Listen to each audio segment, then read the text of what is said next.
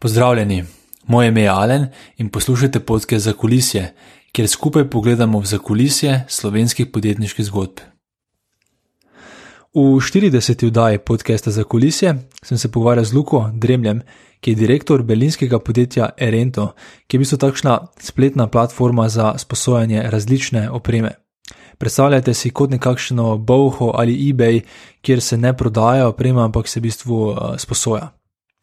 Torej, Luka se je podjetju pridružil kot pripravnik in v slabih štirih letih prispel do direktorskega naziva, tako da danes vodi uh, ekipo 22 zaposlenih. In odkar je Luka prevzel podjetje kot glavni direktor, ga je pripeljal od milijona evrov izgube do profita. Tako da smo se v podkastu pogovarjali točno o tem, kako je s prestrukturiranjem podjetja uspel priti v te milijonske izgube do dobička. Potem smo se pogovarjali tudi o tem, kako mu je že pri 26 letih uspelo postati direktor podjetju, kakšne veščine so potrebne, da postaneš direktor. Na koncu smo se pa pogovarjali tudi o veščini pogajanja, kako in zakaj se je potrebno pripraviti na pogajanje. Luka pa je delil tudi svojo, um, svoj vidik, kako se pogajati za plačo, saj je imel priložnost, da uh, je bil za pogajalsko mizo tako kot zaposlovalec, kot tudi kot zaposlen, tako da je dal par zelo zanimivih nasvetov.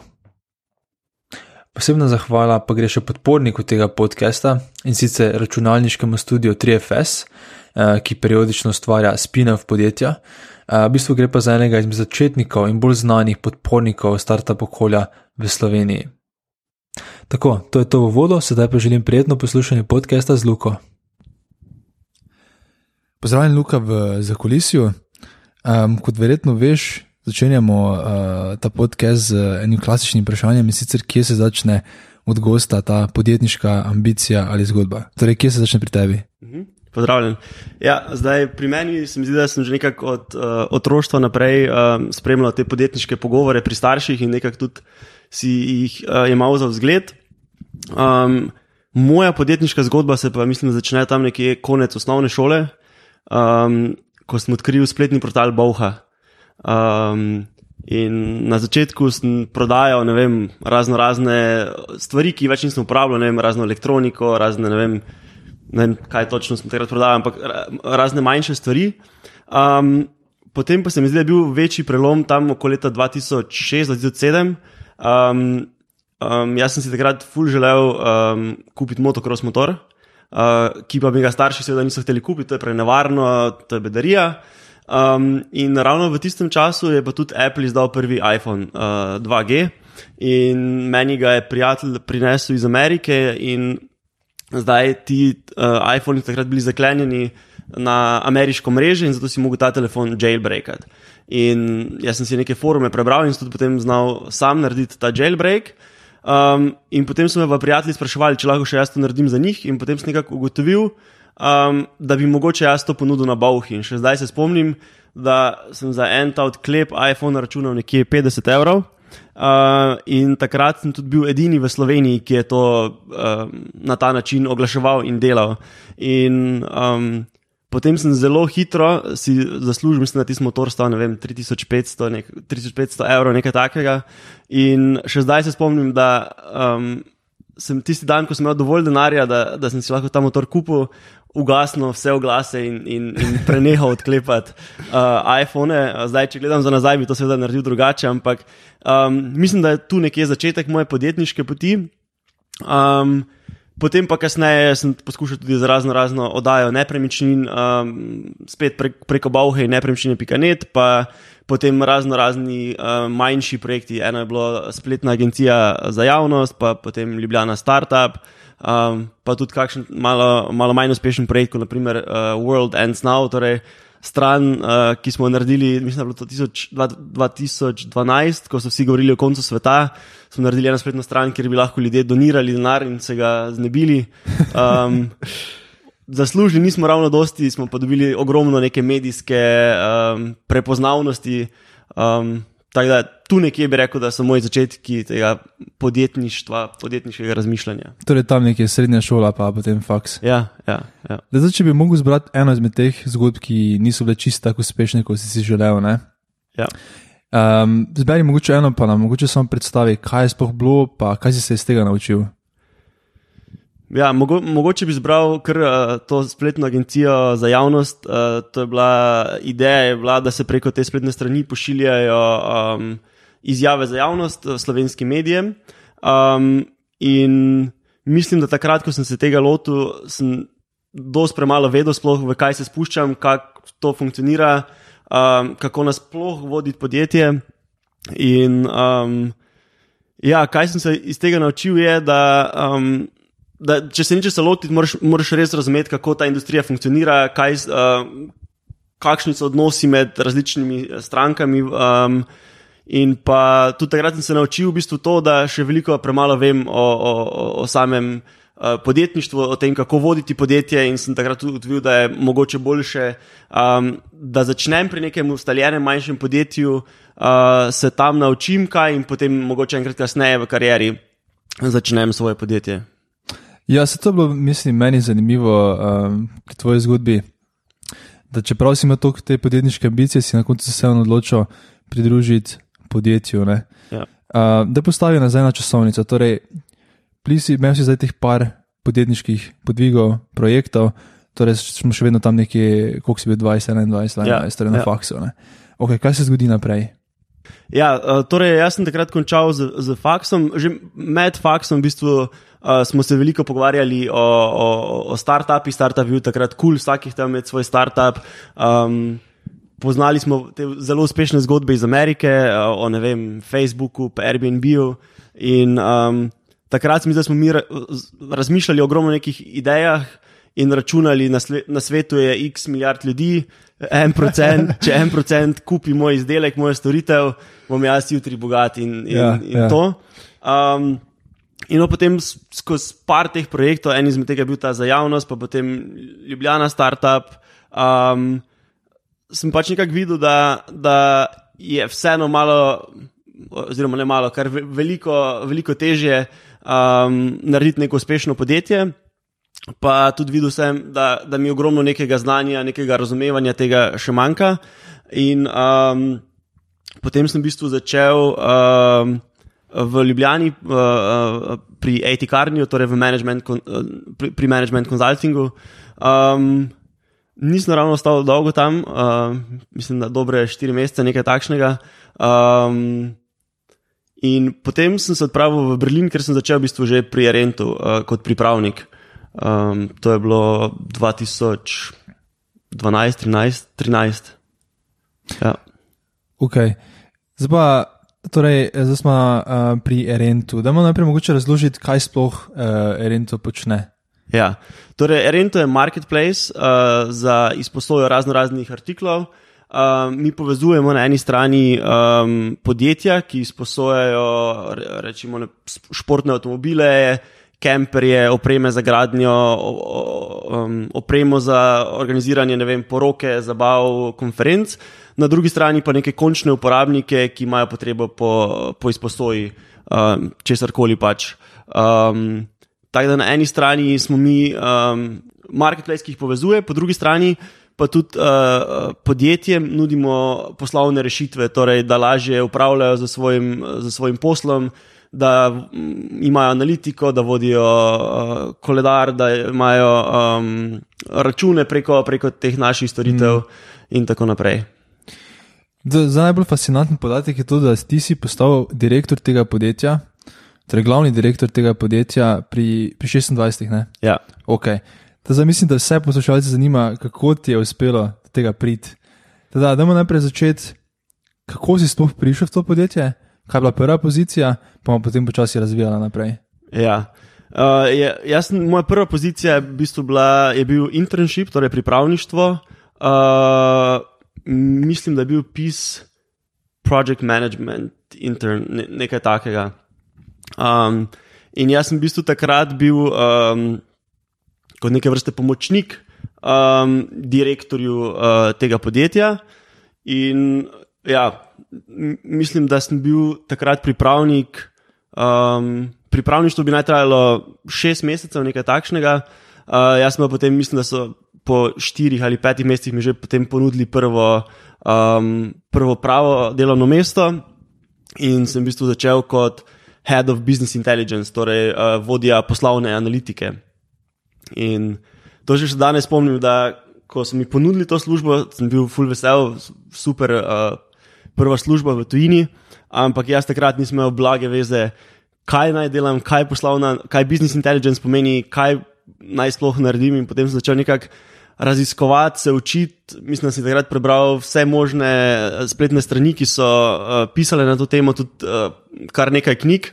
Um, in v bistvu takrat um, sem ugotovil, da predno lahko mi iz, izvajamo neko napredno analitiko, da uh, izvajamo neke analize, ki, s katerimi bomo dobili neke insajte, um, da moramo imeti kvali, kvalitetne podatke. In, um, takrat sem v bistvu začel uh, implementirati Salesforce, ta mhm. CRM sistem, in začel avtomatizirati razno razne procese um, za, za prodajno ekipo, za marketing ekipo, uh, pa kasneje potem tudi za finance. Um, in um, takrat se spomnim, smo imeli, ko sem začel s tem projektom, smo imeli v back office, torej računovodstvo, pa vse ta administrativa, smo imeli zaposlene štiri ljudi. Um, na koncu tega projekta smo v bistvu imeli uh, na, v back officeu manj kot enega zaposlenega. Torej, imeli smo enega zaposlenega, ki se pa ni ukvarjal samo s tem. In uh, potem tudi, ker sem ogromno se ukvarjal z finančnim delom podjetja, um, sem potem postal uh, tudi CFO, torej uh, finančnik Renta. Um, Pred mi greš predaleč. Ja. En, ena stvar, ki si jo rekel, je fulj zanimiva. Torej, mora bi imeti šest mesečno pripravništvo, na koncu so tega skrajšali na štiri mesece. Ja. Kako ti je to uspelo? Um, ja, to mislim, da mi ni uspelo, da, da ni, ni bilo iz moje strani toliko, da bi jaz se nekaj pogajal, da bi mi to skrajšali. Ampak um, jaz, sem, jaz sem predtem delal v management consultingu uh, in sem bil navaden delati vem, od 8 zjutraj do polnoči ali pa tudi kdaj celo, cel dan, celo noč, pa še naslednji dan. Um, Tako da sem prišel v, v, v to podjetje res zagnan, pripravljen, ogromno, ogromno delati, ogromno naučiti. In um, potem so nekako v podjetju tudi ostali zaposleni to videli in so v bistvu oni naredili nek umeten pritisk, da so, pač, da, da, da so, da so se počutili, da ni prav, da sem jaz pripravnik. In so potem tudi videli, da okay, on, on res je toliko zagnan, toliko dela. Um, Nekako fair bi mu bilo ponuditi. Uh, višjo pozicijo. Da pišeš, mogoče malo podjetje v tem času, koliko je bilo veliko podjetje, pa v kakšni fazi je bilo. Ker je tudi bil startup, ne? Oziroma, ja. je še vedno. Ali? Ja, ja, takrat, ko sem se jaz pridružil Rentu, uh, nas je bilo nekje 50, se mi zdi.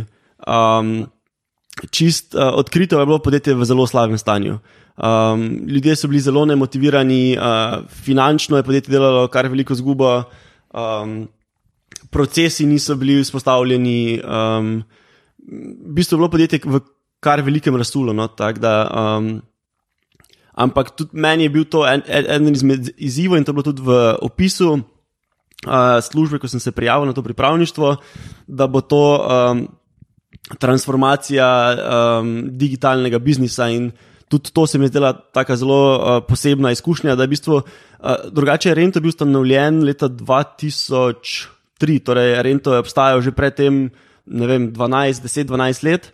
Um, in mi je bilo zelo zanimivo, da, da vzameš neko podjetje, um, ki že obstoji in ga potem probaš modernizirati. Uh, in, in v bistvu preobrniti iz tega, da podjetje dela izgubo, in ga pripeljati do, do, do točke, kjer je podjetje profitabilno in uspešno. Me z Luko se že dlje časa poznamo, teda poznam neke detajle, tudi te zgodbe. In, eh, v bistvu se spomnim, da takrat, ko si se odločil, če se pridružiš Erentu, si imel še na mizi par drugih ponudb. Ja. Torej, ko si se preselil v Berlin, si se prijavil na X služb in na koncu mislim, da si imel tisti dan, ko si se lahko odločil dve ali tri ponudbe. Ja. Mislim, da je bilo za nekatere poslušalce fulj zanimivo slišati, kako si se odločil, zakaj izbrati Erento in zakaj ne izbrati nekaj drugega. Pa če lahko najprej pišeš, kaj so bile opcije in potem zakaj si se odločil za Rento, kot pa za kaj drugega. Ja, takrat sem imel tri ponudbe.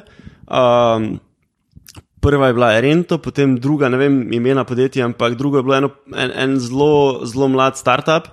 Um, mislim, da ekipa petih članov, uh, ukvarjali so se pa z nekim nekim oglaševanjem, ne vem, z nekimi oglasi, ki na podlagi, na podlagi tekstov, torej na podlagi spletne vsebine, ti predlagajo potem oglase, ki, so, ki spadajo v ta kontekst. Uh -huh. uh, tretja, tretja ponudba je pa bilo, uh, je pa bilo eno, eno, eno podjetje, ki se je ukvarjalo z, mislim, da uh, mobilnimi igrami in mm -hmm. bi uh, pri tem podjetju bil um, an analitik, torej delal analize, predlagal določene trende in tako naprej. In um, ja, v bistvu. Po sami ekipi um, sem se takrat najbolj nagibal temu mlademu startupu, ker je, je bilo um, samo pet zaposlenih, Ampak potem na koncu sem se vprašal, pri katerem od teh podjetij se lahko največ naučim. In že ko sem imel te intervjuje z tem manjšim podjetjem, um, ki se ukvarjalo z oglaševanjem, se mi je zdelo, da lahko jaz, v bistvu, da se bodo oni naučili več od mene, kot jaz od njih. Mm. Um, in ravno pri Rentu pa mi je bil ta, um, ta faktor, da, da se mi je zdelo, da se bom ogromno naučil, pač digitalna transformacija, to je nekaj, kar je zelo relevantno. Um, pa tudi podjetje je bilo ravno prave velikosti, da raz, da, da, da prav razumeš, kako deluje, kak yeah. Ja. deluje neka firma, da vidiš, kaj dela vem, marketing, kaj dela sales, um, kaj dela računovodstvo, finance. Uh, in tako naprej. In se mi je zdelo, da je za mene to um, boljša priložnost, ker se bom več naučil. In tudi um, jaz, ko sem si v bistvu iskal prvo službo, mi ni bila glavna motivacija uh, plača, ampak to, kaj se bom jaz naučil in, in kaj bom na koncu tega imel. To se mi zdi ful zanimivo in pomembno, ne? ker kot nek podjetnik, ki nisi nikoli delal v večjem podjetju, res nimaš te slike, vse, kako mora neko podjetje izgledati, ne? ko je večje. Ker ko si ja. pač 3-4, itek sploh ni nekih uh, departmentov oziroma oddelkov. Um, Kako se ti zdi, da, ta je, da je ta izkušnja pomembna, da vidiš veliko podjetje, oziroma v tem primeru, da se 50 ljudi tudi. Že za nekatere veliko podjetje, da vidiš te različne delke, kako delujejo, kako sodelujejo, kaj je pomembno. Uh, ne vem, ali si mogoče v tem prvem letu, prvih letih, ko si bil pri Rentu, kaj te je mogoče najbolj tak? Kaj si se najbolj naučil, kar se tega tiče? Um, jaz mislim, da sem pri Rentu dobil prvič pravo razumevanje, kako podjetje sploh deluje. Um, ker prej vidiš en, en del nekega, nekega oddelka in vidiš, kako deluje ta oddelek. Nikoli pa nimaš celotne slike, kako deluje, kako deluje podjetje. In to je bilo nekaj, česar jaz prej nisem poznal in tudi ne vem, mogoče lahko prebereš več o tem, ampak da vidiš pa v praksi, kako deluje, pa tudi kako potem različni oddelki sodelujejo. Um, Kako uh, se vodi projekte, kjer je vključen več kot en oddelek. Um, to se mi nekako zdi, da, da mi je bila tista posebna izkušnja, in um, to bi tudi priporočal vsakemu, ker vsaj jaz prej tega znanja preprosto nisem imel. Ne. Ja, Pa se mi zdi skoraj tako, da obstajajo dva tipa podjetnikov. So taki, ki raje, preden se vržejo v vodo, veš, vidijo vse stvari, pa vejo točno, približno, vsaj, kaj se morajo vršiti. Ja. Drugi so pa taki, ki se raje vržejo vodo in potem probajo splavati na površje. Ja. Uh, Máš ti isti občutek? Pa kam bi se dal raje? Ja, ja. Jaz, jaz, jaz sem po mojem definitivno tisti prvi tip, ko prvo uh, rad malo se, se naučim, pa nekaj, nekaj vidim pa potem provam. No, ampak to je tudi v bistvu na podlagi izkušnje, da smo v bistvu začeli prvi tisti startup za javnost. Uh, in sem potem videl, da pač res mi ogromno znanja manjka in da ne razumem prav, kako uh, podjetje funkcionira in kako vodi tako podjetje, v katero smer ga peljati. Sta pa zagotovo lahko obe zgodbi uspešni. Je... Ja, jaz tudi mislim, da ni za to pravega odgovora, ampak je bolj, kar tebi bolj paše. Ja. Meni tudi včasih govorijo nekateri kolegi, hej, pa ne rajiš toliko brati teh knjig, rajiš še nekaj narediti, ampak meni pač to bolj pomaga. Ja, ja. To je full odvisno, kot si sam rekel. Ja. Um, če se vrnemo na te oddelke, pa na tvojo zgodbo pri Arentu. Um, torej, po štirih mesecih si postal potem uh, glavni oddelka Business Intelligence. Ne? Ja, head of Business Intelligence. Ja. Tako. A je to bil novi oddelek v podjetju ali je to že prej obstajalo? Pa drugi del vprašanja je potem, rekel si, da nisi nič vedel o tem ta proces me fuz zanima. Torej, kako si šel od tega, da nisi nič vedel o tem, da si potem se počutil kompetentnega, da lahko vodiš oddelek? Ja. Um, torej, ta oddelek v podjetju prej ni obstajal, tudi ta business intelligence, mi zdi, da se je ravno. Takrat je začel postajati popularen in so se podjetja uh, začela zavedati, da je analitika res ključnega pomena za uspeh. Um, Ja, jaz v bistvu takrat o, o, o, o, o, o, tej, o tem oddelku, o tem področju nisem vedel veliko, mi je pa bila vedno matematika in finance, sem bile zelo blizu, tako da razumevanje številk sem imel. Um, No, in potem sem jaz začel um, brati razno razne strani, kaj to sploh pomeni, um, kaj podjetja uporabljajo. Um, potem pa tudi, mislim, kjer sem se ogromno naučil, bilo to, da sem pisal ostalim podjetjem v Berlinu in jih spraševal, um, kaj, kaj oni uporabljajo v, v, v tem oddelku, kakšne procese imajo. Um, Koliko, to, koliko ta orodja stanejo, ker določena orodja so pred, takrat bila zelo, zelo draga in sem potem nekako izoblikoval neko sliko stvari, kaj bi lahko, um, kaj bi lahko za nas bilo, um, kaj bi nam lahko pomagalo.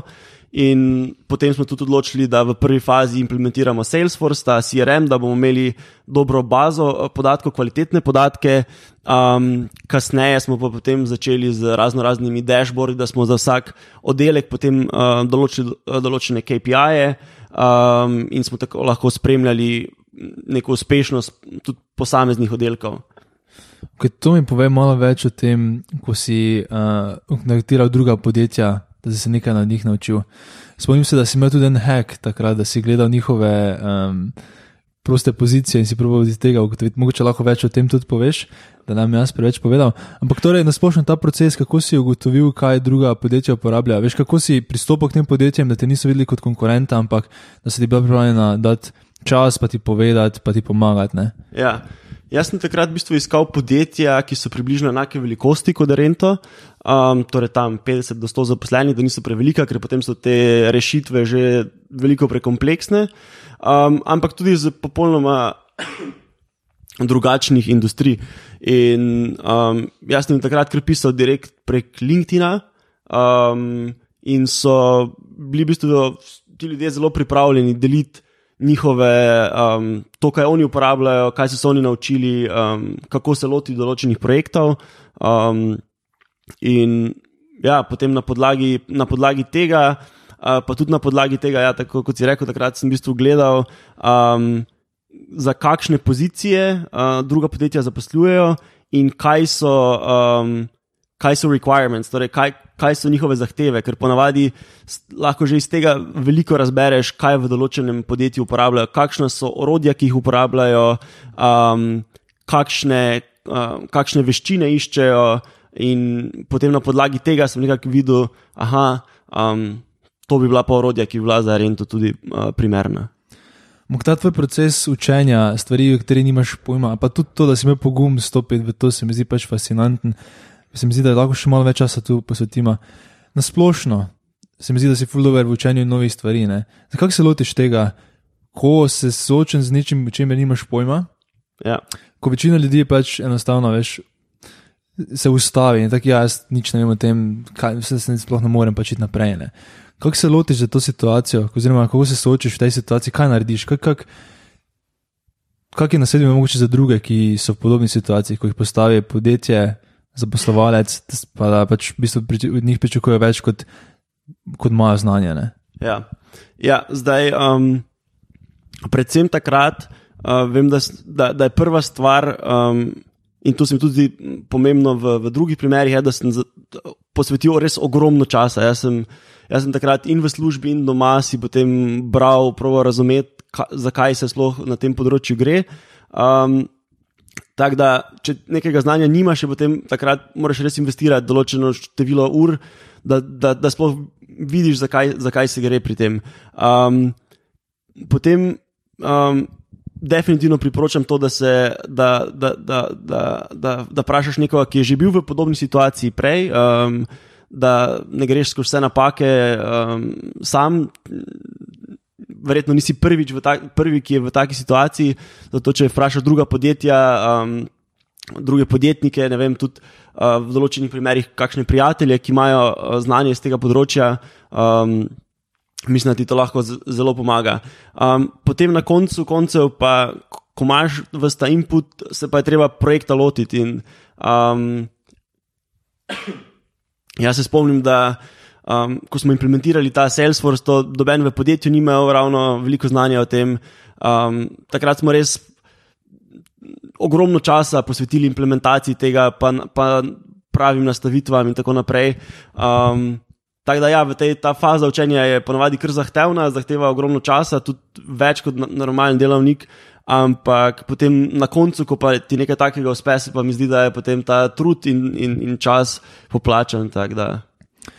Kako ti pa je, torej v trenutku, ko si se odločil, da boste implementirali Salesforce, si bil verjetno v podjetju kaj manj kot eno leto. Ne? Ja, ja. In dosti ljudi se v tem času, v prvem letu podjetja, ne počuti ravno samozavestnega, predvsem za tako velike spremembe, ja. predvsem za prvo službo, Ja. ne, kot je bila v tvojem primeru.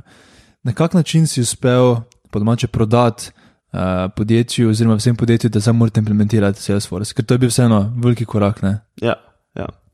Um, ja, v bistvu jaz sem jim pokazal, kaj uh, večina podjetij uporablja. Torej, v tistem času je že bil tu Salesforce, mi smo takrat uporabljali um, Sugar CRM, nek open source uh, program. In uh, v bistvu mi smo imeli problem, da se nismo mogli zanesti na dobene številke. Torej, podatki o prodaji, podatki o, o, o stroških. Um, nič od tega ni bilo pravilno in vedno so po podjetju krožile neke um, druge številke, in to je za nas bil takrat res problem. Mm. In um, potem sem pač pokazal, da z, z, z, z tem Salesforceom lahko mm, dobimo orodje, na katerega se lahko zanesemo.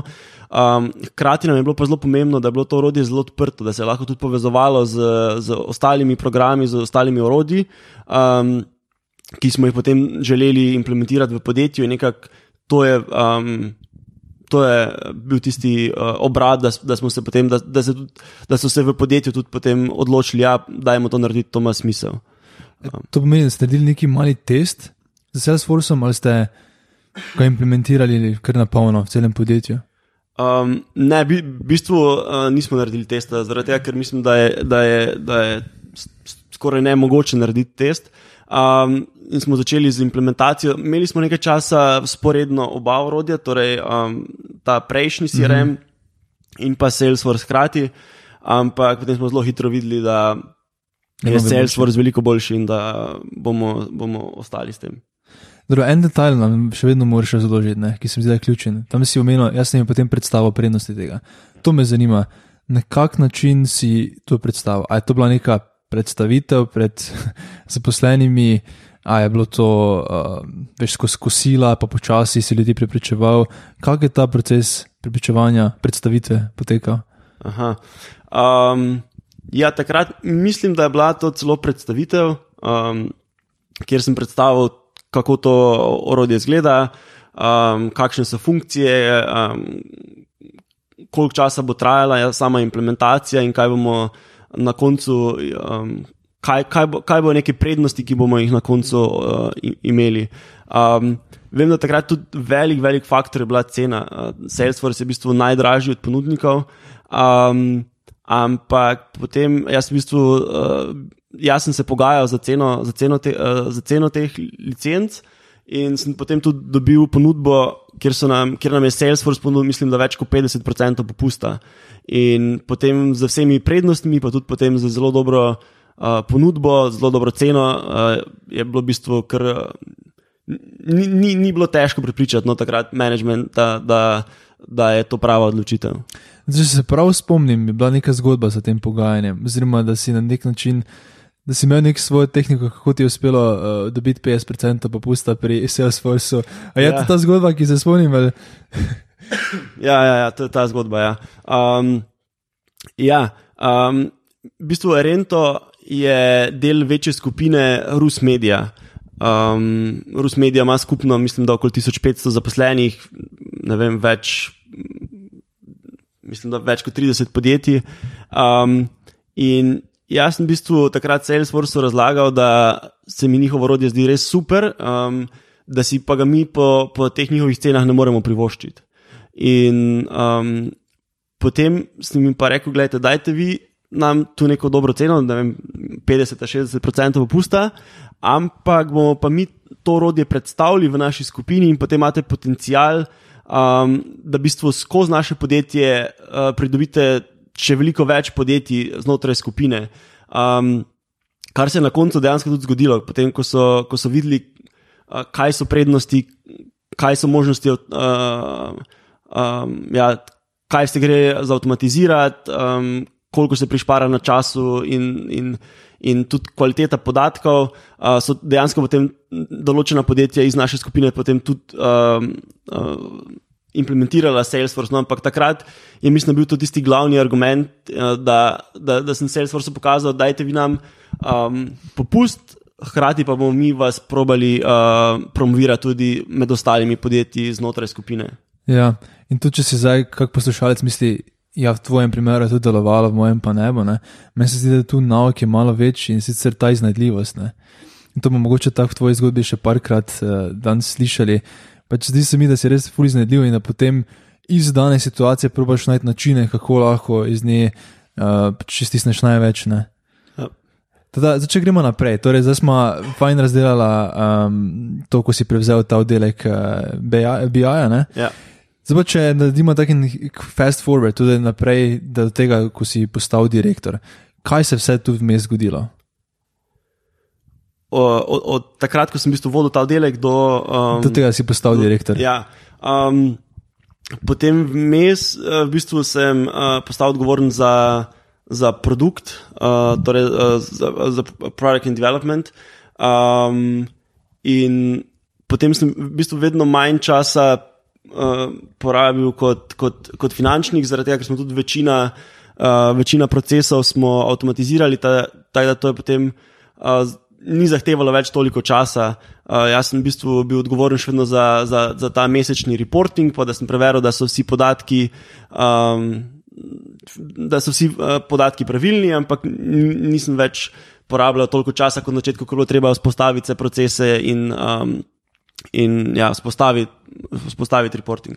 In potem sem v bistvu ja, uh, prevzel uh, ta razvoj, uh, torej razvoj spletne strani, razvoj novih, uh, razvoj novih funkcij. Um, in v bistvu že takrat je uh, takratni direktor imel vedno manj časa za, za, za, za rento, ker imaš tudi druge, druge projekte in odgovornosti v sami skupini. In sem potem jaz nekako operativno prevzel podjetje, že v bistvu kakšno leto prej, predno sem sploh postal direktor. Ok. Zdaj, če pogledamo, so, v, v podjetju so ljudje, ki so um, že tam dlje kot ti. Ja. Zakaj misliš, torej, da si ravno ti postal direktor? Z drugimi besedami, veš, kaj so ti skillsi, kaj so veščine, ki so potrebne, da nekdo pride do te pozicije? Ja. Um, Ja, če gledam jaz moj primer, definitivno sem jaz bil zelo, zelo um, motiviran, pa tudi ambiciozen. Jaz sem bil pripravljen um, vložiti ogromno časa um, v, v podjetje, in tudi zelo pomembno mi je bilo, da, da ti projekti in da te uh, stvari, na katerih delam, da so uspešne, da, da, da, da doprinesejo nekaj k, k podjetju. Um, potem druga stvar, ki se mi zdi zelo pomembna, je to, da um, si pripravljen prevzeti odgovornost um, in pa tudi tveganje v končni fazi, za, za, naprimer v primeru implementacije Salesforce, če bi ta, ta projekt spodletel, bi bila odgovornost na meni. In to se mi zdi, da ogromno ljudi ni pripravljeno prevzeti te odgovornosti, oziroma jim to tveganje ni všeč, so, so raje nekje v ozadju, imajo raje nekoga. Um, Ki naredite odločitve za njih, ne pa da sami sprejmejo uh, odločitve in, in prevzamejo s tem tveganje.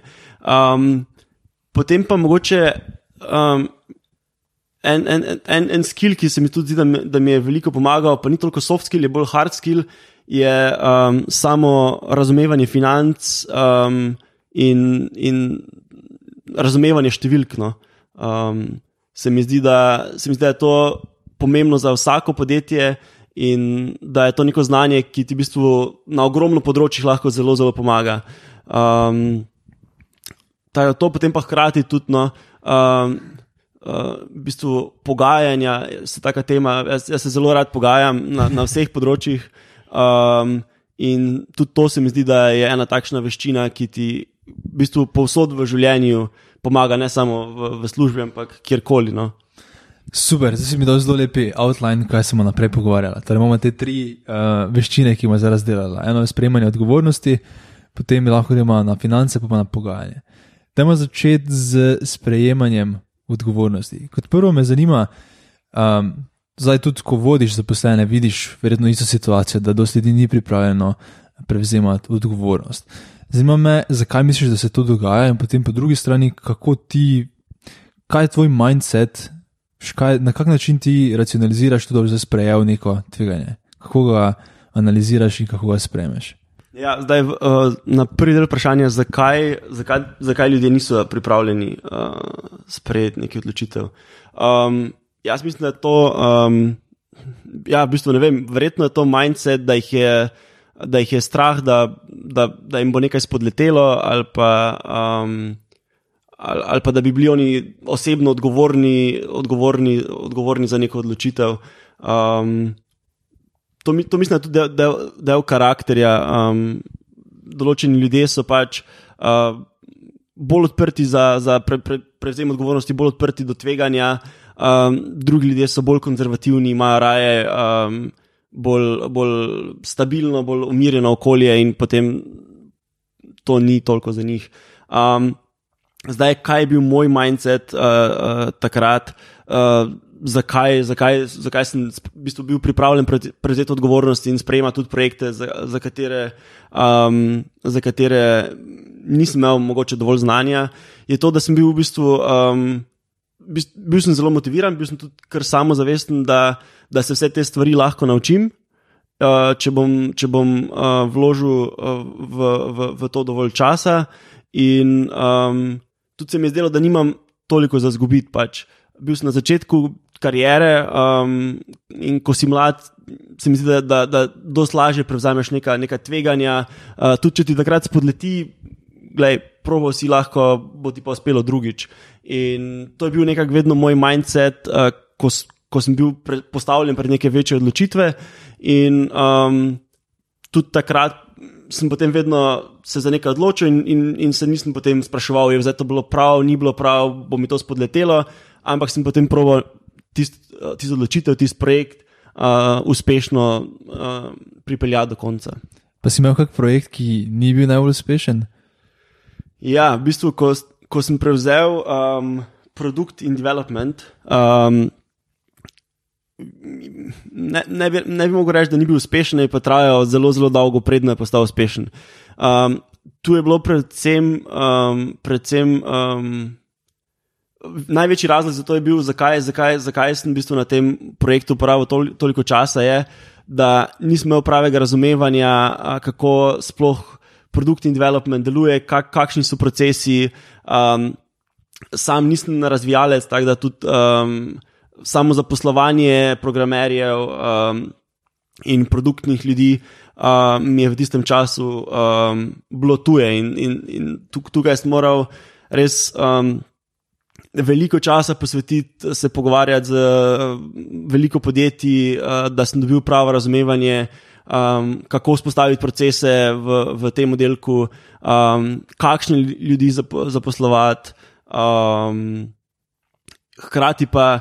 Hrati pa je v bistvu tudi to kader, ki ga je v Berlinu zelo, zelo težko dobiti. Uh, vsako podjetje bi rado imelo več programerjev, več uh, ljudi v produktu.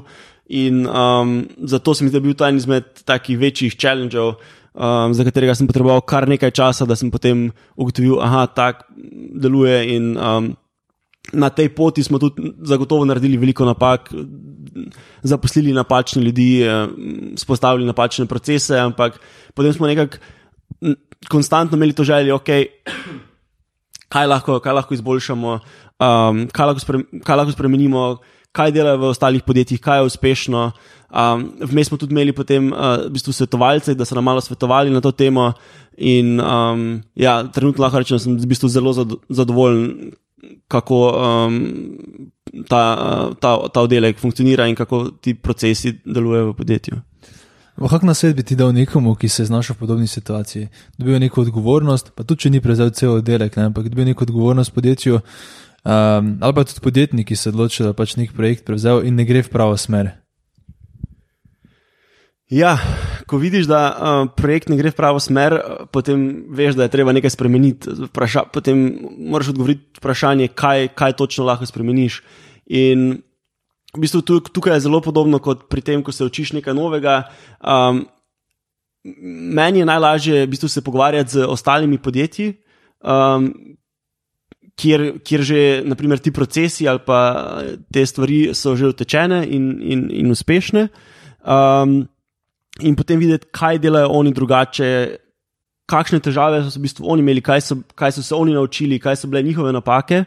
In um, potem probujem iz tega um, dobiti nek. nek um, Ja, ne, ne, ne, neke nasvete, ki jih lahko potem jaz eh, sam uporabim um, na mojem primeru.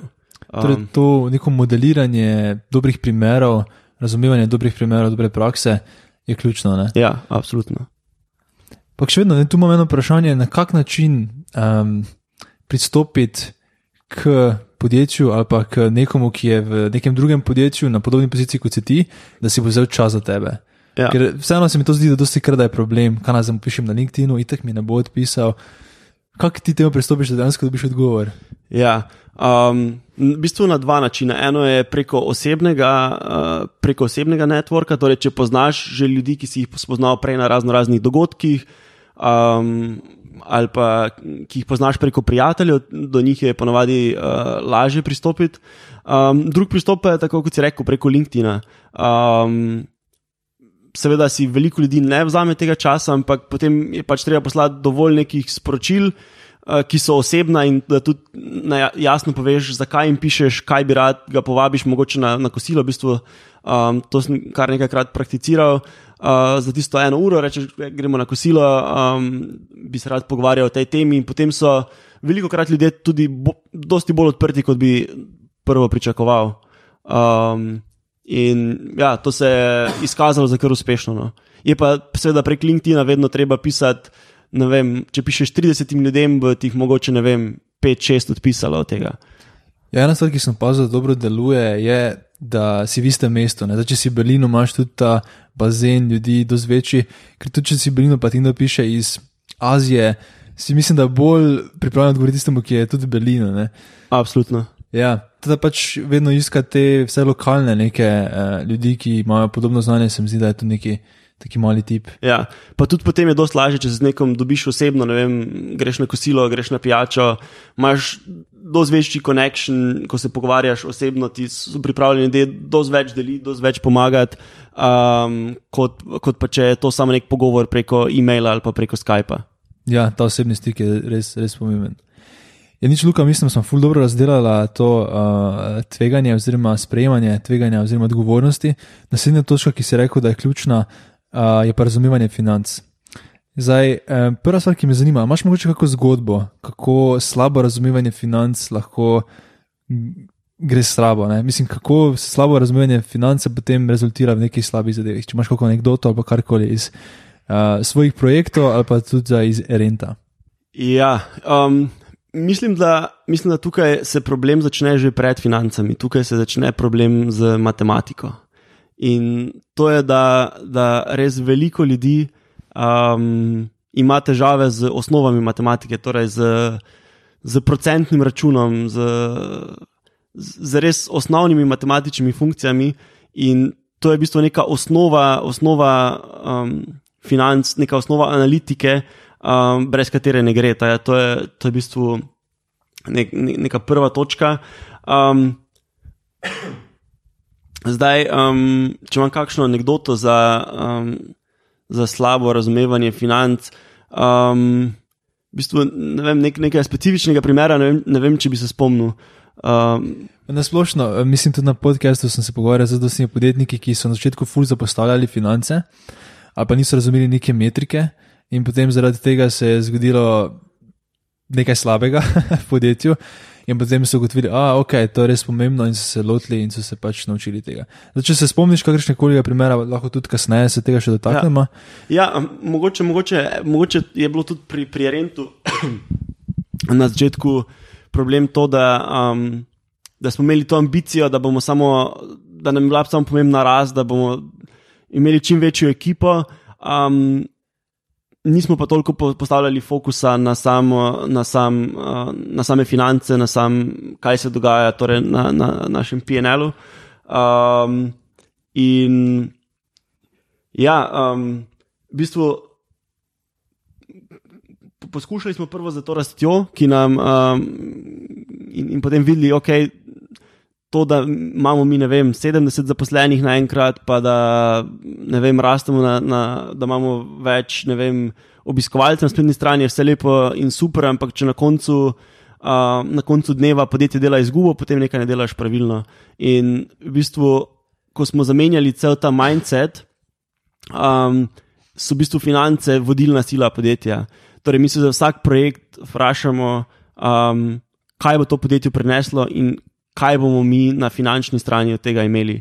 Um, ne rabi vedno biti to direktna, uh, torej direktna povezava, torej da, je, da več prodamo, so tudi določene stvari, ki, ki imajo bolj dolgoročni vpliv, ampak na koncu koncev vsi projekti, ki jih, ki jih pač sprejmemo, vsi projekti, ki jih podpiramo, um, so povezani z financami in, in tudi ta, ta, um, um, ta shift v razmišljanju, mislim, da je to, kar je pripeljalo rento iz tega, da smo v bistvu bili podjetje, ki je delalo več kot milijon izgube, do tega, da je podjetje profitabilno. Ja, o tem se bomo še točno pogovorili, kako ti je to uspelo. Ker ko si ti prevzel podjetje, je bilo še debelo v rdečih številkah, se bomo imeli zelo lepi dobiček.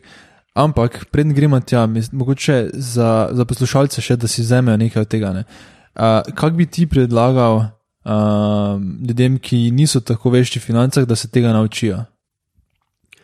Ja, jaz mislim, da je ogromno teh spletnih, um, spletnih treningov in mislim, da če že greš čez ne vem, dva, tri osnovne, take um, osnovna šolanja, um, da dobiš vsaj neko razumevanje, kaj, uh, um, kaj te številke pomenijo, kako, kako razumeti, kako prebrati poslovni izid.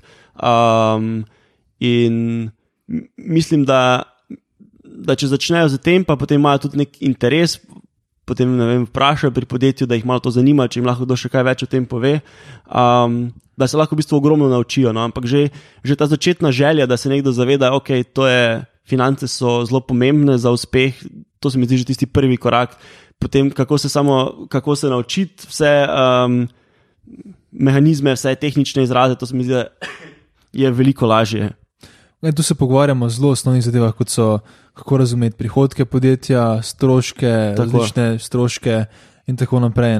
Zdaj, če bi moral zbrati samo vem, tri glavne uh, kazalnike, ali pa tudi izkaze, ne, ki bi si jih nekdo moral pogledati, kaj bi rekel, da je ta glavna zadeva. Ja, tri, tri metrike. Um, pri podjetju se vedno treba razumeti, um, kaj so prihodki podjetja in kaj so tudi neke gonilne sile, ki, um, ki pripomorejo k prihodkom. Um, potem uh, treba razumeti stroškovno stran, torej kaj so, kaj so določeni stroškovni bloki, katere od teh um, je spremeniti lažje, katere ne. Um, vedno, ko se optimizira podjetje, je veliko lažje prvo zmanjšati stroške, kot pa povečati prihodke. Mm. Um, in pa ja, na koncu koncev, da se da, da pač se razume, da um, podjetje je ustvarjeno zato, da na koncu ustvarja nek profit. Mm. In, in to mislim, da mora biti tisti mindset, ki ga ljudje imajo, ko, ko, ko delajo neke projekte. In, um, to se mi zdi res ključno za, v bistvu za, za, za, za vse pozicije v podjetju, od, od prodaje do dizajna. Do developmenta, da, da, da je v podjetju ta kultura, da ljudje razumejo, um, ok, to, kar mi delamo, mora na koncu imeti nek učinek, to mora imeti um, nek idealno finančni učinek, ki ga bomo videli na poslovnem izkazu. Torej, kaj hočeš v bistvu povedati, je, da to, ni, to znanje ni pomembno samo za tebe, če želiš biti direktor ali podjetnik, ampak je skoraj za vsakega v podjetju. Ja, absolutno. Okay. Uh, zakaj pa je za te druge pomembno? Um, za, za druge je pomembno zato, ker v bistvu um, potem lažje sprejemajo neke odločitve. Um, da, ko se lotijo nekega projekta, se res sprašujejo, zakaj mi delamo in kako nam bo to pomagalo. Ne pa, ne vem, um, mi bi radi imeli, naprimer, nov logo ali pa nov dizajn. Ja, ja, zakaj, mislim, kje, bo to, kaj bo to prineslo k našemu podjetju? Bo nov dizajn res povečal prodaje, bomo lahko, ne vem, zvišali cene ali bo to samo, ne vem, je, je to samo neko um, osebno mnenje, neko osebno čustvo, da, da, da si želiš ti mm. imeti, ne vem, na mesto modre barve oranžno, naprimer. Ja. Um, zato se mi zdi, da, je, v bistvu, da, da, da ti pomaga pri odločitvah na, na vseh področjih. Ne? Ja, se popolnoma strinjam. Ker tudi potem dosti lažje razložiš, zakaj ti želiš neko spremembo vpeljati. Gled, zdaj, rekli smo, da bomo tri stvari pogledali. E, zadnja bi bila pogajanje. Ja. Ampak preden gremo na pogajanje, mislim, da do tega še bomo prišla naravno skozi zgodbo. Da damo mogoče kar skočiti na to, ne? kako ko si prevzel. Mogoče nam opiši, v kakšnem stanju je bilo podjetje, ko si ga prevzel, uradno kot direktor, in v tem času, potem, kaj ti je uspelo narediti in na kak način. Ker si v bistvu podjetje pripeljal iz velikega minusa na zdaj do dobička. Ne? Ja. Um, torej, jaz sem podjetje prevzel nekje konec 2017, um, in takrat smo, takrat smo imeli še več kot milijon izgube letne. In potem za letom Na, na koliko prometa? na približno 3 milijone prometa. In potem smo, potem smo v bistvu z, z, z letom 2018, jaz sem torej 2017, konec leta 2017, sem prevzel podjetje, potem začel gledati, um, kaj bi mi zdaj spremenili. No. In mislim, da prva ta sprememba um, pri meni je bila ta, um, da moja želja ni bila narediti naslednji Facebook, naslednji Airbnb, zgraditi neko gromozansko podjetje, ampak raje imeti neko srednje do malo srednje veliko podjetje, ki je profitabilno in ki, ki je tudi uh, sustainable na, na, na dolgi rok. Um, in potem smo v bistvu um, veliko bolj začeli fokusirati, kaj so res tisti pomembni projekti in kaj mi v tem podjetju res potrebujemo. Um, in ja, takrat smo tudi, v, to je bilo januarja, m, morali nažalost odpustiti kar veliko ljudi, um, ker preprosto za naš promet in za, um, ja, za, za naš posel um, ni imelo smisla, da imamo ekipo. Um, ki smo imeli prej, ko smo, ko smo imeli tisto vizijo, da bomo mi postali naslednji Airbnb. naprimer. Um, Tako da na eni strani je v bistvu bila to restrukturiranje in potem tudi vse prenos znanja, da, da lahko z manjšo ekipo še vedno um, razvijaš nove stvari in, in, in, in pelješ podjetje naprej. Um, potem pa, kot sem že prej rekel, v bistvu ogromno smo, uh, ogromno smo prestrukturirali na, na, na, stroškovni strani, torej ne samo na, na zaposlenih, ampak tudi na razno raznih licencah, na razno raznih orodjih, um, kjer smo v bistvu črtali vse, kar ni bilo pomembno. In jaz v bistvu še dan danes. Um, Preko Salesforce, kjer imamo tudi uh, vse, vse, vse račune in vse stroške, ki jih plačujemo, uh, v bistvu osebno uh, potrjujem vse večje račune, ki, ki jih plačujemo. In um, potem smo tudi um, v podjetju nekako spostavili to kulturo, uh, da, da so vsi zaposleni uh, zelo previdni, predno, predno, um, predno vzamemo nov, neka nova orodja, predno. Um, Predno imamo neke no, no, nove dodatne stroške. Um, tako da to je bila potem naslednja velika sprememba. Um, ja, no, in potem nekako s tem um, se je v bistvu začel ta preobrat, kjer, kjer smo rento pripeljali iz, iz rdečih številk na, na, uh, na pozitivne številke. Ej, kako se lotiš tega procesa, da ugotoviš, koliko je pravilno, optimalno ali pa um, tudi dovoljeno število zaposlenih za nek projekt, za neko podjetje, ki ga vodiš? Ja, v bistvu mi smo se lotili tega z druge strani. Pogledali smo prvo uh, finančno stran podjetja in smo se vprašali, koliko zaposlenih si mi lahko privoščimo, če želimo imeti profitabilno podjetje. In um, potem, um, potem smo iz tega um, pogledali, ok, to so naši zaposleni, katere od njih res potrebujemo, katere ne, kaj so tudi projekti, ki mogoče niso toliko pomembni, pa jih lahko, pa jih lahko, pa jih lahko um, prekinemo. Um, in potem smo se vprašali, kdo bi bila zdaj prava ekipa za to novo podjetje, za to našo novo vizijo, in smo v bistvu kar hitro tudi dobili ta odgovor.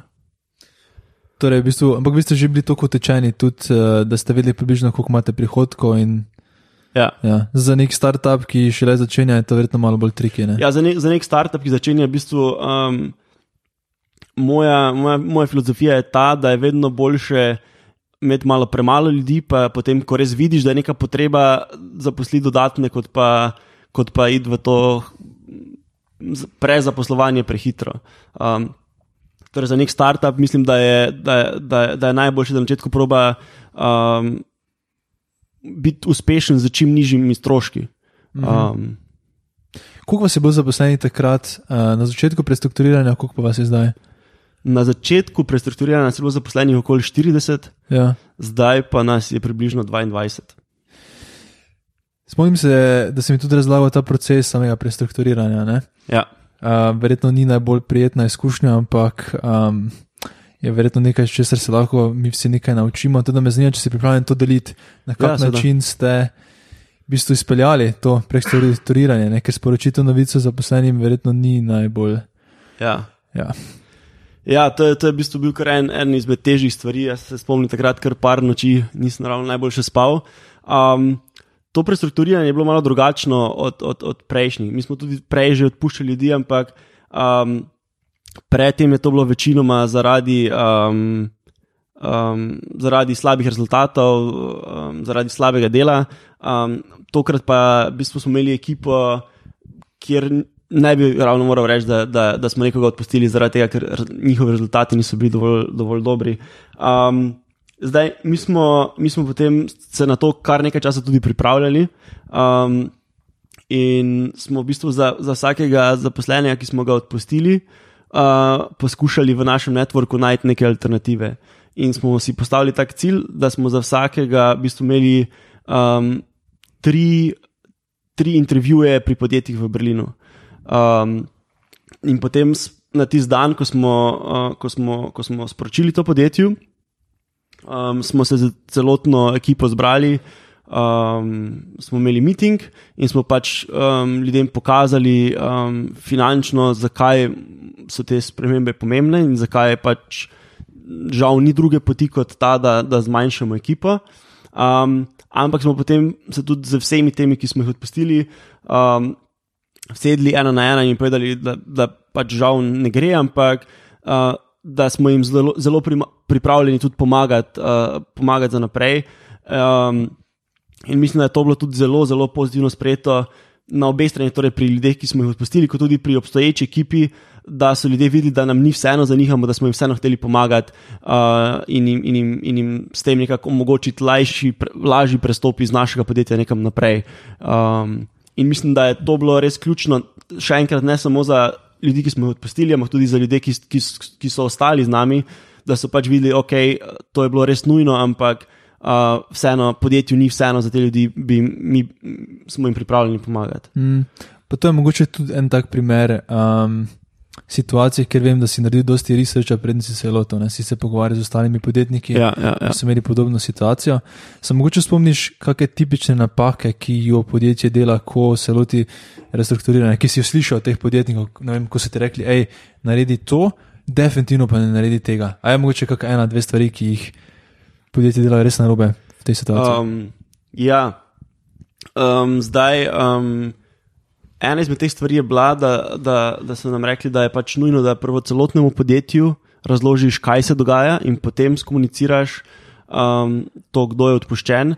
Uh, predvsem zaradi tega, v našem primeru, ker smo bili še vedno relativno majhno podjetje z 40 zaposlenimi. Um, in da se ne bi potem začela neka panika, neke govorice, smo rekli, ok, dajmo se dobiti vsi skupaj, uh, razložiti, kaj se dogaja, in, in potem izpeljati to naprej. In se mi zdi, da je v tem procesu zelo pomembna ta transparentnost. Mislim, da tu z parimi uh, primeri podjetij, ko smo se pogovarjali, so, so imeli kar slabe izkušnje. Ne Vem, da, so zapos, da so samo določeni zaposleni dobili e-mail, da so odpuščeni, brez da bi v podjetju kdo razložil, in potem se zaposleni začnejo spraševati, okay, kaj se dogaja, zakaj se zdaj to dogaja. Bom tudi jaz odpuščen jutri, kakšna je vizija, kam gremo naprej. Um, Tako da se mi zdi ta komunikacija res ekstremno, ekstremno pomembna, um, mm. da se v bistvu celotnemu podjetju razloži, um, kaj, se, kaj se dogaja, zakaj se dogaja, in, in potem sama eksekucija tega. Kaj pa potem s temi zaposlenimi, ki so ostali? ne? Na, verjetno ste imeli tudi za njih nek način, kako vseeno ohraniti njihovo motivacijo, pa moralo. Ne? Ja, um, v bistvu um, temu smo spet posvetili res ogromno časa. Um, v, v prvi fazi um, smo si rezervirali, mislim, da cel teden, zato da smo se z vsakim zaposlenim, ki je ostal, tudi uh, osebno pogovorili o vseh spremembah, če so imeli še kakšne vprašanja, kakšne dvome, uh, predloge za naprej. in mislim, da je v tisti prvi fazi zelo pomembno, um, da si vzameš čas za ljudi, da si tam za njih. To je, to je tudi za njih zelo stresna situacija.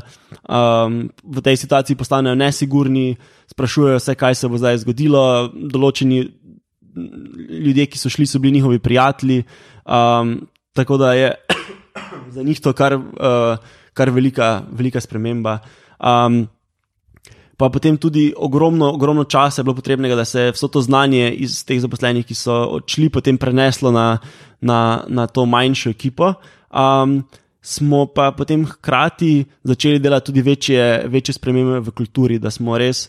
Um, Tudi nagradili ta, to ekipo, ki je ostala, da so se res počutili, ok, mi smo zdaj novo podjetje, um, mi, imamo, mi imamo prihodnost, uspešni bomo, bomo, bomo, bomo, bomo naprej. In um, mislim, da je potem to bilo tisto, da to je bil en izmed ključnih faktorjev za naš uspeh. Potem. Ja, te spremembe v kulturi se mi zdijo fully zanimive pri vas. Uh, bi vam lahko mogoče odpisal, kaj vse ste spremenili, kar se tiče kulture v podjetju, od prestrukturiranja naprej. Ja. Um, zdaj, mi, smo, mi, mi, mi imamo ekipo, ki je um, res motivirana če se nam naprimer, na spletni strani kaj pokvari, čez, čez vem, tudi soboto, nedeljo, bo ljudje v petih, desetih minutah um, ta problem opazili in potem tudi začeli ta, to, um, to sami od sebe reševati. In potem smo mi spraševali, kaj jim lahko mi um, ponudimo, oziroma jim mi, kako jim lahko mi to vrnemo. In um, ena, izmed, ena izmed teh stvari je bila, da je bilo zaposlenim zelo pomembno um, delo doma, oziroma uh, remote delo, uh, tako da smo um, v bistvu uvedli to, da lahko zaposleni delajo, delajo od doma. Um, potem pa smo v bistvu peljali tudi par takih, v prvi fazi so bili bolj poskusi. Um, poleti smo en mesec uh, imeli samo štiridnevni delovnik. Um, in pa potem naslednji, to je bilo julija, in potem avgusta, uh, smo imeli potem krajše petke, uh, do, do treh, drugače se dela v, pri nas do šestih. Um, in pa potem tudi to leto, smo, ker, ker smo potem videli, da je to uspešno, smo rekli, ok, uh, bomo imeli štiridnevni delovnik celotno poletje, torej od, od junija do avgusta. Um, Potem smo zaposlenim ponudili tudi uh, razno razne ugodnosti. Vem, um, konec februarja gremo za um, dva tedna delati na uh, Tenerife, uh, kjer je lepše vreme, bo to zelo toplo. Berlin je, ja. Berlin je po zimi krsiv in, in ni ravno najboljše mesto na svetu za ta letni čas. Um, pa potem smo jim zdaj tudi ponudili, naprimer, da imajo uh, članstva, da jim, da jim, da jim uh, torej rento plača um, membership za, za, za, za fitness, pa za, za športne aktivnosti. In se mi zdi, da z takš, takšnimi um, manjšimi spremembami v kulturi smo v bistvu potem dosegli to, um, da zaposleni res razumejo, um, ok.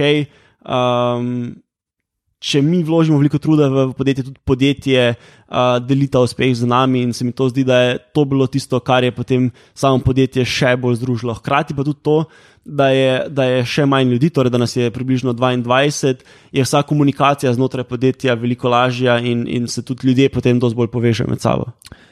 Mislim, da nas vse ful zanima ta eksperiment z štiridnevnim uh, delovnikom. Um, Torej, če prav razumem, so še vedno vsi ohranili iste plače. Torej, vse, kar se je zgodilo, je samo to, da niste pet dni delali, ampak štiri dni. Pa kaj to meni, ste ti štiri dni delali več? Uh, več nam povejo o tem, kako se to sploh isto izpeljal. Ja, um, zdaj to je, to je v bistvu ideja, ki prihaja iz enega ameriškega podjetja uh, Basecamp. Um, in v bistvu vsi zaposleni so ohranili enake plače. Uh, to pomeni, da so imeli petek popolnoma prost dan. Um, zdaj, mi smo se tega lotili kot eksperiment, ker nas je bilo vseeno malo strah, zdaj, kak vpliv bo to imelo uh, na naše rezultate. In potem smo za vsak oddelek postavili določene KPI-je in smo rekli, dajmo mi en mesec, um, oziroma mesec, pa še potem en mesec kasneje, to testirati v taki bolj blagi, blagi verziji. Um, Pa vidimo, če, zdaj, um, če se bo zdaj to odneslo, če ne, pa smo pač to izvedli kot eksperiment, poskusili in, in, in je to to. In tudi zaposlenim smo takrat um, tako predstavili to, da je to v bistvu eksperiment, da to ni nekaj, kar. Um, Kar lahko jemlje za dano, ampak da bomo to testirali, da se naj potrudijo, in da če bo uspešno, bomo to naslednje leto imeli spet. Um, in potem se je v bistvu izkazalo, da, um, da smo v štirih dneh v bistvu naredili čisto enako kot prej v petih. Um, niti ne bi rekel, da je bilo toliko več um, dela v teh štirih dneh, um, so pa ljudje bili definitivno dosti bolj fokusirani, pa tudi motivirani um, za delo. In um, zaradi tega se je potem izkazalo za zelo uspešno, tudi vsi KPI prodaja. Um, V bistvu nič nam ni upadlo, oziroma določene, do, določene, določene uh, metrike so se celo uh, izboljšale, in potem smo se odločili, um, da je to leto to podaljšati na, um, na, na tri mesece. A na tri mesece imate letos? Ja, letos je od, od uh, junija do konca augusta. Ja. Wow.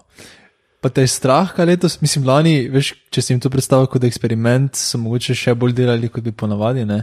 Te je strah, da letos, ko boste za to naredili za tri mesece, da bo pa drugačen učinek?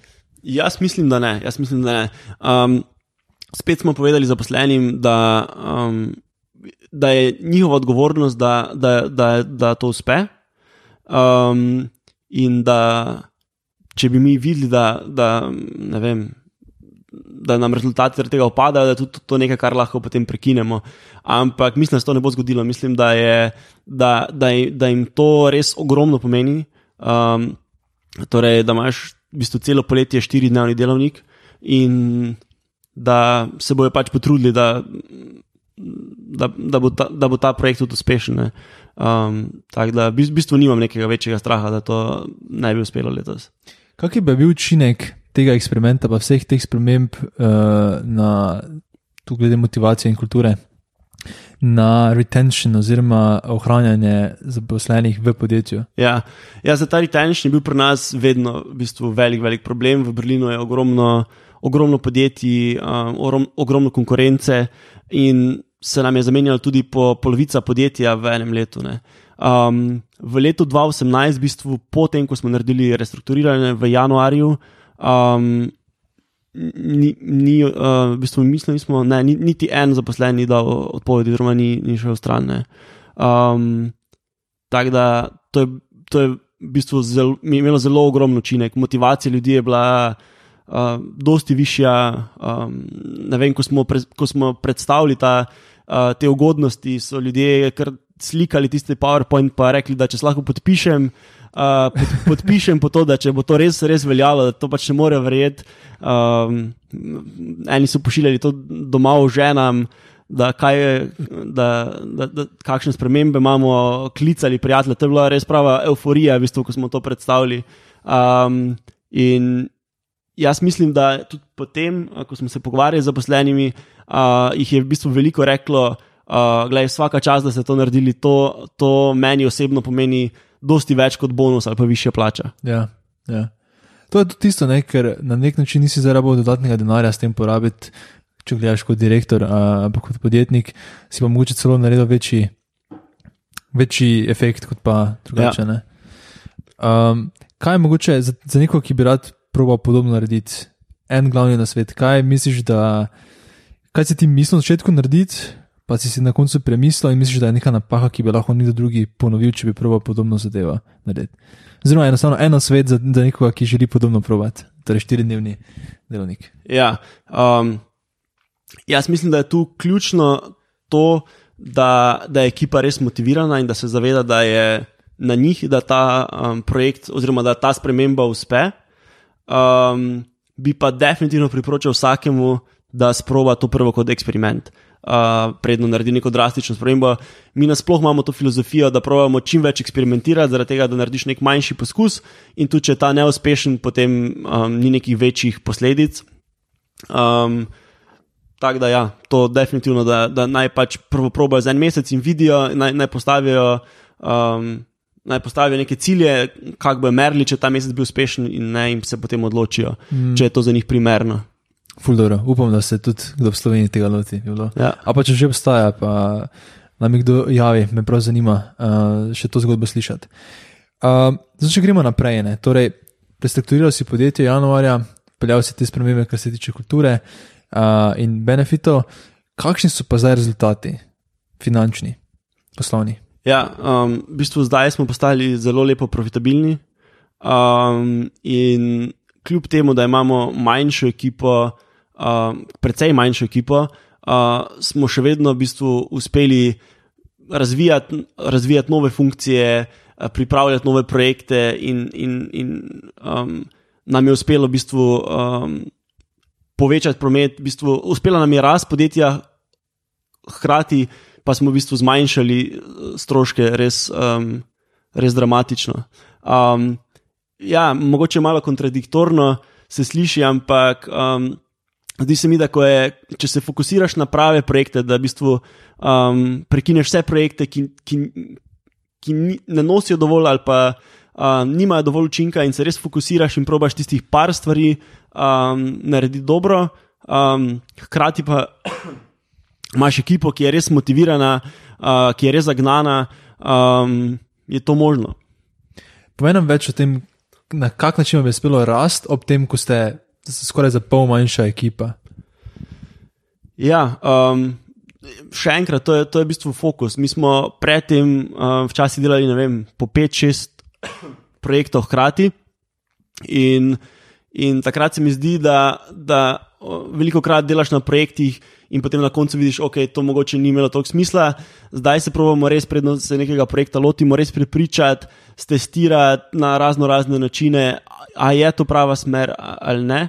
Um, ogromno nam tu pomagajo na eni strani um, intervjuji z strankami in, in uporabniki, na drugi strani pa tudi uh, AB testing. Torej, mi za ogromno funkcij, predno sploh uh, neko funkcijo razvijemo, uh, testiramo to uh, kot AB testing. Ne vem, damo nek gumb, naprimer, ki ima neko funkcijo, čeprav te funkcije takrat nima, in potem samo gledamo analitiko, kakšen ima to vpliv na našo, na našo spletno stran. In se mi zdi, da, da ob tem, da, da si bolj fokusiran, hkrati da, da, da probaš. Z večjih strani dobiti neko potrdilo, kaj so prave smeri, uh, kaj so pravi projekti, in pa da imaš uh, zaposlene, um, ki so zelo motivirani, seveda tudi zelo sposobni, um, da ti to lahko uspe. Da lahko daš nek primer tega AB testa. A gre tukaj za, za to, da dejansko uh, dam na spletno stran neko funkcijo, ki v bistvu še ne obstaja, in potem ti stran, koliko ljudi na to klikne, ali gre za dve verziji neobstoječe zadeve, ali gre za dve verziji obstoječega produkta? Tu imaš razno razne načine. Naprimer, mi smo testirali um, za spletno plačilo, smo prvo imeli na voljo samo. Um, uh, kreditno kartico in, in, in 100% plačilo. Um, potem smo pa testirali, da imaš delno plačilo, torej 30%, um, pa tudi, da imaš potem uh, ta bančni transfer in, in za. Obe te funkcije v bistvu, uh, so, bi, so bili takrat to dami, dami gumbi. Ta, ta gumb ni imel dobene, dobene funkcije. Ko je to uporabnik stisnil, mu je javilo, da žal tega še ni, ampak da kmalo pride. Ampak mi smo s tem dobili v bistvu nek. Uh, neko potrditev, ali je dejansko želja za to obstaja ali ne. Okay. Zdaj, če se pripravljam deliti kakšne številke, kje ste bili z prihodki in z izgubo pred prestrukturiranjem, kje ste zdaj in kakšni so plani? Ja. Um, zdaj, pred uh, restrukturiranjem smo um, delali več kot milijon izgube, um, zdaj pa smo pripeljali podjetje nekje uh, do točke, da, da bomo tam delali približno uh, pol milijona profita. Uh, promet je postal isti ali se je povečal? Promet se je povečal nekje 15%. Okay. Vsaka čast, vsaka čast. Zdaj gremo naprej. Uh, stvar, ki še pa nismo obdelali, uh, pa je to pogajanje. Ne?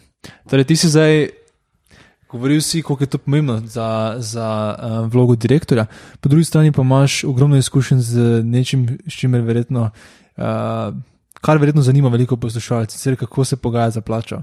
Ja. Ti si se pogajal na obeh stranih, kot šef in kot zaposlen. Ja, res je. Kakšne nasvete imaš, najprej, kakšne nasvete imaš za uh, ljudi, ki si želijo spogajati za večjo plačo?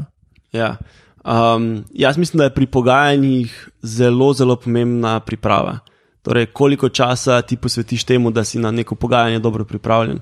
Zdaj, pri samem pogajanju za plačo um, mislim, da je zelo pomembno, da veš, kakšne so uh, plače za to pozicijo, ki jo imaš ti. Um, pri, tudi pri ostalih podjetjih, da veš, kaj so, um, kaj so neke alternative. Um, vedno ti pri pogajanju um, koristi, če imaš um, neko alternativo, že neko ponudbo nekega drugega podjetja, ker to pomeni, da se lahko veliko bolj agresivno uh, pogajaš, lahko veliko bolj agresivno nastopiš, ker veš, da če naprimer ta tvoja zahteva ali pa tvoj predlog o plači ni sprejet, imaš neko alternativo, ki jo lahko sprejmeš.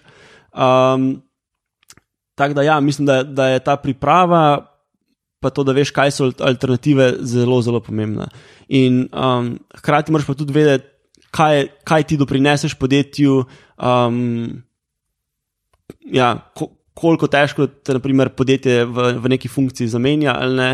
Um, je tudi ta samo, samo ocena, samo kritika, ker je pomembna, da veš, potem, kje se umestiti in kaj bi bilo neko primerno um, plačilo za tebe. Mene osebno zanima, ko imaš te letne pogovore, koliko zaposlenih dejansko se pogaja za plačo, procentualno. V bistvu relativno malo, ampak um, to je v bistvu tudi delno zaradi naše filozofije. Torej, um, mi vsako leto sami izvedemo um, analizo plač v Berlinu, torej mi imamo nekaj bazo 60 podjetij um, tako da vedno dobimo pravo sliko, kakšne so plače, ker drugače po internetu krožijo razno razne statistike in te statistike so lahko zelo, zelo pogosto zavajujoče. Torej, ne veš, kaj so tiste prave plače, odkje so bile, kako so točno prišli do teh številk. Um, tako da mi kot podjetje sami izvajamo to analizo na, na letni ravni. Um, in v bistvu naša filozofija je ta, uh, da zaposlene plačamo malo nad tržno, nad tržno ceno. Um, to pa je predvsem zato, ker smo relativno majhna ekipa. Uh, torej za nas je vsak zaposlen, ki gre, velika izguba znanja, velika. Uh, nam zame potem res ogromno časa, tudi ogromno denarja, da nekoga nadomestimo.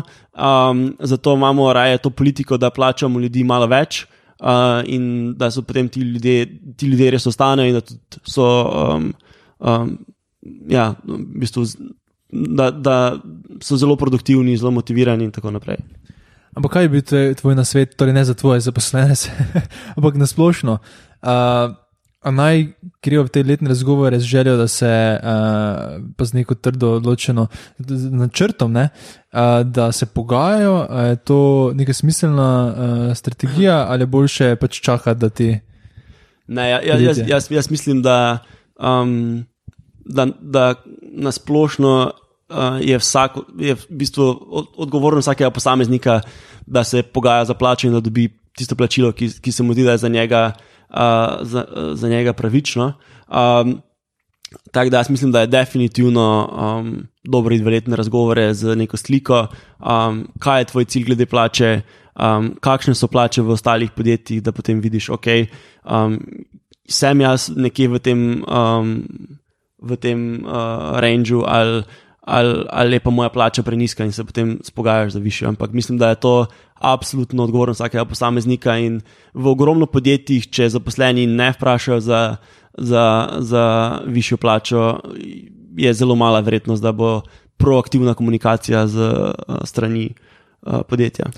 Zdaj si idealen za to naslednje vprašanje. In sicer mislim, da ima dosti ljudi težave s pogajanjem, ker jih je enostavno strah, kaj se bo potem direktor mislil, pa da jih bo, ne vem, aha, zdaj pa, pa mogoče še lažje odpustil ali pa dal na slabši ja. projekt, kakorkoli. Ne veš, da si bom ustvaril slabo ime s tem, ko hočem nekaj za sebe.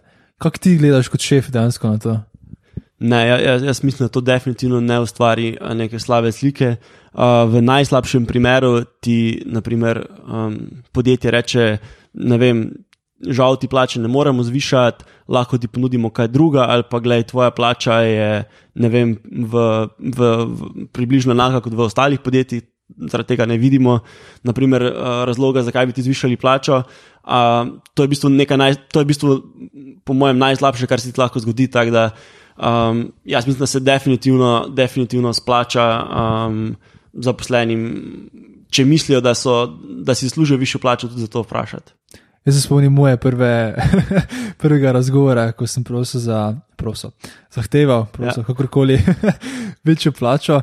Jo, celo noč sem slabo spal, se spomnim, kako naj za to izvedem. Pa ne, tri, štiri različne neke, imel sem prav tri, štiri razloge, kaj bom rekel, ne, pa kako bom to predstavil. Pa, pa veš, naj najprej povem tri razloge, pa potem četrtega shranim. Ja, ja. Naj, vem, da na koncu smo, mislim, da se celo mi pogovarjala uh, in je bil tvoj na svet, ne samo rečem, samo reči, da bi se rado plači pogovoril, pa da viš odziv.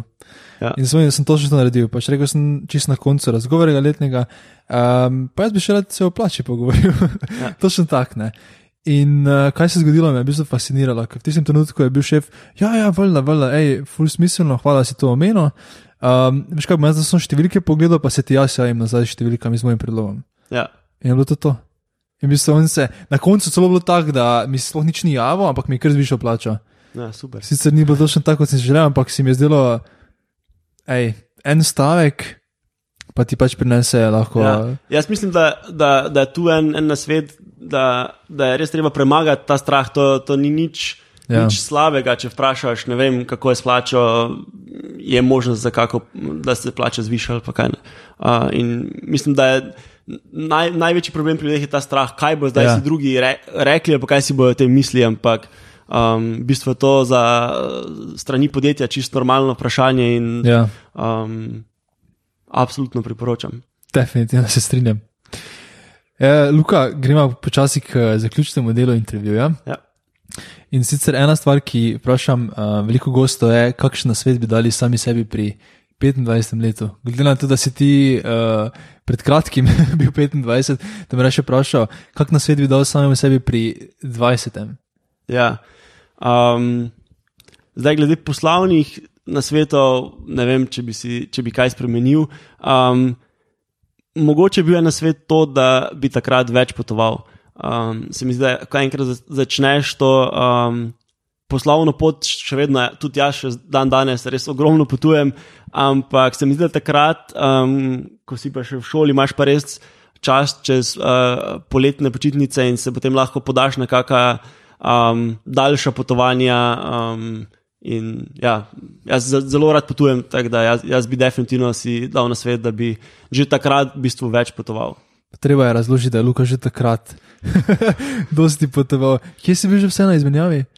Uh, ja, jaz sem bil na prvi izmenjavi, sem bil v bistvu na Dunaju, um, kasneje pa potem še eno leto v Kanadi.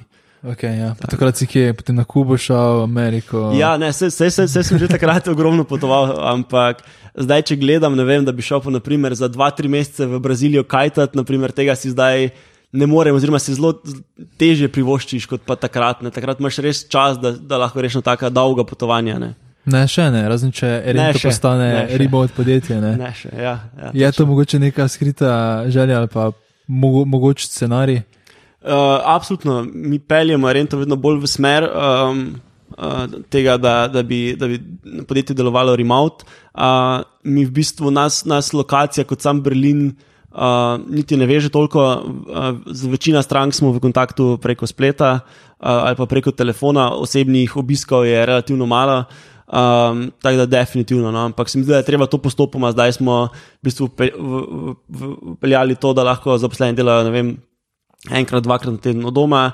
Um, zmanjšali bomo delovni čas poleti, torej imeli bomo štiri-dnevni delovnik uh, čez celotno poletje. Že zdaj, februarja, gremo prvič v bistvu z, z, več kot polovico podjetja na, na, na Tenerife delati. Uh, in, in se mi zdi, da to je v bistvu prvi korak, pa bomo videli, kako bo to funkcioniralo. In potem mogoče naslednjo leto ali pa čez dve leti lahko vidimo, ok, bi lahko mogoče mi postali uh, popolnoma remote podjetje. Um, spet tukaj nam je, tukaj nam je um, velik vzor uh, Basecamp mm. uh, iz Amerike.